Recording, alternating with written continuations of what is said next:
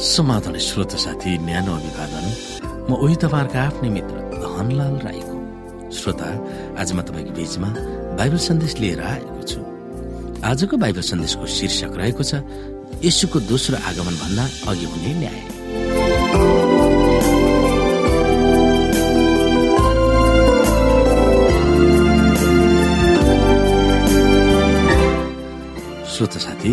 यसु यस संसारमा फर्किनुभन्दा अघि न्याय हुनेछ भन्ने धारणा बाइबलमा धेरै ठाउँहरूमा उल्लेख गरिएका छन्।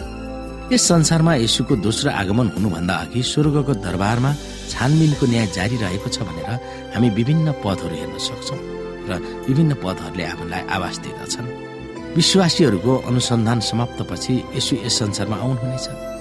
त्यस अनुसन्धानको न्यायको महत्वपूर्ण के छ? हामी यहाँ बाइबलमा हेर्न सक्छौँ श्रोता। दानियल सात अध्यायलाई। जसै म ती सिंहहरूका बारेमा विचार गर्दै थिएँ मेरा अघि एउटा सानो सिंह थियो जुन चाहिँ तिनीहरू मध्येबाट उम्रेको थियो र पहिलेका सिंहहरू मध्ये तीनवटा चाहिँ त्यसको सामु जरे समेत उखेलिए। मानिसका आँखा जस्तै त्यस सिंहका आँखा थिए र हमकारी कुरा गर्ने त्यसको मुख थियो। जसै मैले हेरेँ सिंहासनहरू बसालिए र अति प्राचीन आफ्नो सिंहासनमा बस्नुभयो। उहाँका लुगा हिउँ जस्तै सेता थिए। उहाँको शिरको केस उन जस्तै सेतो थियो। उहाँको सिंहासनमा बलिरहेको आगोको ज्वाला थियो र त्यसका चक्काहरूमा दन्केको आगो थियो। उहाँको सामुबाट आइरहेको आगोको एउटा नदी बगिरहेको थियो। हजारौं हजारले उहाँको सेवा गर्थे। दस हजार गुणा दस हजार उहाँको सामु उभिएका थिए। न्यायको निम्ति अदालतको बैठक बसेको थियो र पुस्तकहरू खोलिए तब यो सिंह बलिरहेको अहङ्कारपूर्ण शब्दहरूको कारणले गर्दा मैले त्यसलाई हेर्दै रहेँ। त्यो पशु मारिएर त्यसको शरीर नष्ट पारी आगोको जलामा नफ्याँकिएसम्म मैले हेर्दै राखेँ। अरू पशुहरूको अधिकार खोसिएको थियो तर केही समयको लागि तिनीहरूलाई बाँच्न दिए राति मैले मेरो दर्शनमा हेरेँ र त्यहाँ मेरो सामु आकाशका बादलका साथ आइरहनु भएको एकजना मानिसको पुत्र जस्तै हुनुहुन्थ्यो। उहाँ ती अति प्राचीन कहाँ आउनुभयो र उहाँकै सामु उपस्थित गराइनु भयो उहाँलाई अधिकार महिमा र सार्वभौम शक्ति दिइयो। र हरेक भाषा बोल्ने सबै मानिसहरू र जातिहरूले उहाँको आराधना गरे। उहाँको प्रभुत्व अनन्तसम्म रहने प्रभुत्व छ जुन चाहिँ कहिले टर्ने छैन र उहाँको राज्य त्यो हो जुन कहिले पनि नष्ट हुने छैन। यसैले फेरि तिनीहरूलाई दृष्टान्तहरूमा भन्नुभयो स्वर्गको राज्यलाई एकजना राजासँग तुलना गर्न सकिन्छ जसले आफ्नो छोराको विवाह भोज तयार गरे र भोजमा निमन्त्रित व्यक्तिहरू बोलाउन भनी आफ्ना नोकरहरू पठाए र तिनीहरूले आउन मन गरेनन्। फेरि तिनले अरू नोकरहरूलाई यसो भनेर पठाए। निमन्त्रित व्यक्तिहरूलाई भन हेर मैले मेरो भोज तयार गरेको छु। मेरा गोरुहरू र मोटा मोटा पशुहरू मारिएका छन् र सब चिजहरू तयार छन्। विवाह भोजमा आउनुहोस्। तर तिनीहरूले वास्तै नगरी एउटा आफ्नो खेतबारीतिर अर्को आफ्नो व्यापारतिर लागे। बाँकी चाहिँले तिनका नोकरहरूलाई पक्रेर तिनीहरूका दुर्व्यवहार गरे र तिनीहरूलाई मारे। तब राजा क्रोधित भए र आफ्ना फौजहरू पठाइकन ती हत्याराहरूलाई नाश गरे र तिनीहरूको सहर जलाइदिए। तब तिनले आफ्ना नोकरहरूलाई भने विवाह भोज तयार छ तर निम्त्याएकाहरू योग्य भएनन्। यसकारण तिमीहरू सडकहरूमा जाऊ र जतिलाई भेटाउँछौ तिनीहरूलाई विवाह भोजमा निम्ति दियो तब ती नोकरहरूले सडकहरूमा गएर भेटाएका सबैलाई दुष्ट र असल दुवैलाई जम्मा गरे र विवाह घर पाहुनाहरूले भरियो तर जब राजा पाहुनाहरूलाई हेर्न भनी भित्र आए तब तिनले विवाहको पोसाक नलगाएको एकजना मानिसलाई देखे। तिनले त्यसलाई सोधे मित्र विवाहको पोसाक नपहिरी तपाईँ कसरी यहाँभित्र आउनुभयो? त्यो निरुत्तर भयो। तब राजाले सेवकहरूलाई भने त्यसका हातखुट्टा बाँधेर त्यसलाई बाहिरी अन्धकारमा फालिदियो। जहाँ मानिसहरू हुनेछन् र दारा किट्नेछन् किनभने बोलाइएका धेरै छन् र चुनिएका थोरै छन्। श्रोत साथी हामीले हेऱ्यौँ मती बाइस अध्यायको एकदेखि चौध। यसै गरी हामी यहाँ प्रकाशको पुस्तकलाई पनि हेर्न सक्छौँ।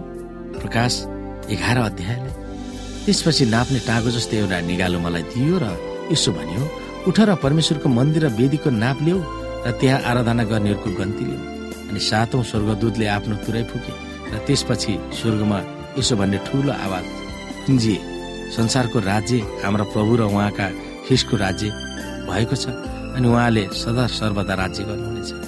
अनि परमेश्वरको सामान्य आफ्नो आफ्नो सिंहासनमा बस्ने ती चौबिसे धर्मगुरुहरूले घोप्टो परि परमेश्वरलाई दण्डवत गरे। भन्न लागे हे परमप्रभु परमेश्वर सर्वशक्तिमान हामी तपाईँलाई धन्यवाद चढाउँछौँ जो हुनुहुन्छ र जो हुनुहुन्थ्यो किनभने तपाईँले आफ्नो ठुलो सामर्थ्य हातमा लिनुभयो र राज्य गर्न थाल्नुभयो। जाति जातिहरू क्रोध भए तर तपाईँको क्रोध प्रकट भयो। मरेकाहरूका इन्साफको समय आयो र तपाईँका दासहरू र अगमवक्ताहरू सन्तहरूलाई र तपाईँका नाउँको डर मान्ने ठुला सानालाई इनाम दिने समय र पृथ्वीको विनाश गर्नेहरूलाई नाश गर्ने समय आयो। स्वर्गमा परमेश्वरको मन्दिर खोलियो र उहाँको मन्दिरभित्र उहाँका करारको सन्दुक खोलियो। बिजुलीका चमक देखिए आवाज र मेघ गर्जनहरू सुनिए भूकम्प गएर ठुला ठुला असिनाहरू परे। अनि अर्को स्वर्गदूतलाई मध्य आकाशमा उडिरहेको मैले देखेँ। पृथ्वीमा रहने हरेक जाति कुल भाषा र मानिसलाई घोषणा गर्ने अनन्त सुसमाचार तिनीसँग थिए। तिनले चरको स्वरमा भने परमेश्वरसँग डरा र उहाँलाई महिमा किनकि उहाँका इन्साफको घडी आएको छ। स्वर्ग र पृथ्वी समुद्र र पानीका मूलहरू बनाउनु हुनेलाई दण्डवत गर। श्रोत साथी यसो यस संसारमा आउनुभन्दा अघि परमेश्वरका जनहरूको अनुसन्धानको न्याय भन्ने धारा अवधारणा बाइबलका तीन आधारभूत शिक्षामा आधारित छन्। प्रथमत जबसम्म पहिलो पुनरुत्थान हुँदैन तबसम्म मरेका सबै धर्मी जनहरू अधर्मीहरू अचेत अवस्थामा नै चिहानमा हुनेछन् भन्ने धारणा बाइबलले सिकाउँदछ। दोस्रोमा सारा मानव प्राणीको निम्ति विश्वव्यापी न्यायको अस्तित्व बाइबलले देखाउँदछ। तेस्रो पहिलो पुनरुत्थानमा धर्मीहरूले पाइने आशिषमय इनाम पाउनेछ र दोस्रो पुनरुत्थान चाहिँ दुष्टहरूको अनन्त मृत्यु हुने भनिएको छ। ती सबैको अर्थ यो हो कि यदि सबै मानिसहरूको फैसला हुन्छ वा कसले मुक्ति पाउँछ र कसले पाउँदैन भन्ने निर्णय हुन्छ भने त्यो तिनीहरूको पुनरुत्थान हुनुभन्दा अघि हुनुपर्छ। ती पुनरुत्थानहरूमा तिनीहरूको बारेमा अन्तिम फैसला वा मुक्ति पाउने वा नपाउने निर्णय भइसकेको हुन्छ। यसो आउनुभन्दा अघि हुने न्यायको समय र स्वभाव बारेमा दानियलको पुस्तकले हामीलाई बुझाउन मद्दत गर्छ। तेइस सय वर्षको प्रत्येक दिन वा वर्षको अन्तमा वा अठार सय चौवालिसमा स्वर्गमा रहेको पवित्र स्थानको शुद्धिकरण गरिनेछ। यसुका आगमन पूर्व छानबिनको न्याय सुरु गरिनेछ। एउटै विषयवस्तुलाई दुई फरक तरिकाले व्यक्त गरिएको छ र न्यायिक फैसला महान सर्वोच्च परमेश्वरका सन्तहरूको पक्षमा हुनेछ भनेको छ।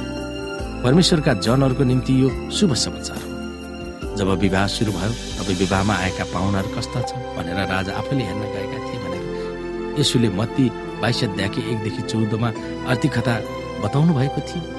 प्रकाशको पुस्तकमा दोस्रो आगमन भन्दा पहिले हुने अनुसन्धानको न्याय परमेश्वरको मन्दिरमा परमेश्वरलाई आराधना गर्नेहरूलाई नापेर र उहाँको न्यायको समय आयो भनेर घोषणा गरेको समयमा न्याय सुरु भएको थियो।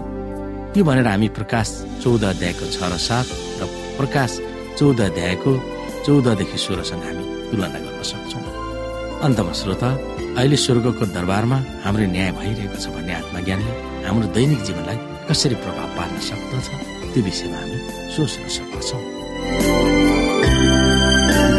श्रोत साथी आजको लागि बाइबल सन्देश यति नै। हस्त नमस्ते। जय मसिंह।